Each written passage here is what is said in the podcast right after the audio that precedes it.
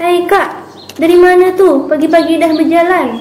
Biasalah Tipa, dari kedai Pak Didin, belanja untuk lauk pauk. Awak masak apa hari ni? Ha, itulah kak. Tak tahu nak masak apa. Perkara corona ni, ekonomi jadi susah. Ya juga ya, pasal corona ni memang agak susah ekonomi kita. Hai Bang Madi, nak pergi mana tu?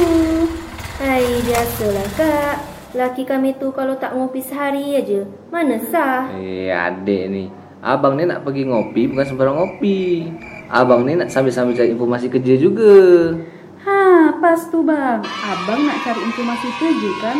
Kebetulan saya baru dapat info. Info kerja apa tu kak?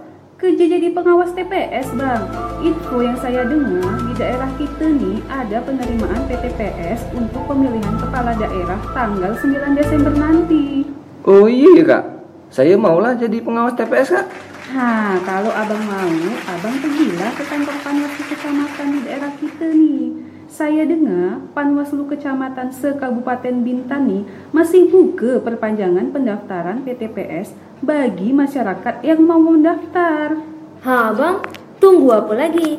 Langsunglah cari info ke kantor penwascam tu bang. Ya adik Ni abang nak gerak ni ha, Abang pergi dulu ya adik eh Oh ya kak Buna Makasih ya infonya Saya langsung nak pergi ke sana lah Daftar jadi PTPS Assalamualaikum Waalaikumsalam.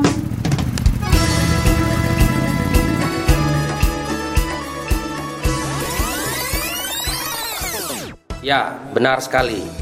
Bawaslu Kabupaten Bintan melalui Panwaslu Kecamatan se-Kabupaten Bintan masih membuka pendaftaran pengawas tempat pemungutan suara pada pemilihan kepala daerah tahun 2020. Bagi masyarakat Kabupaten Bintan yang mau mendaftarkan diri sebagai pengawas tempat pemungutan suara, silahkan langsung datang ke kantor Sekretariat Panwaslu Kecamatan yang berada di masing-masing kecamatan.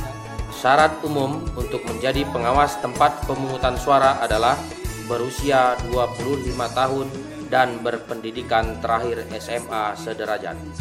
Untuk informasi lebih lanjut, silahkan kunjungi laman web bintankapbawaslu.go.id atau langsung mendatangi kantor Panwaslu kecamatan di wilayah Anda. Ayo segera daftarkan diri Anda. Tunggu apa lagi?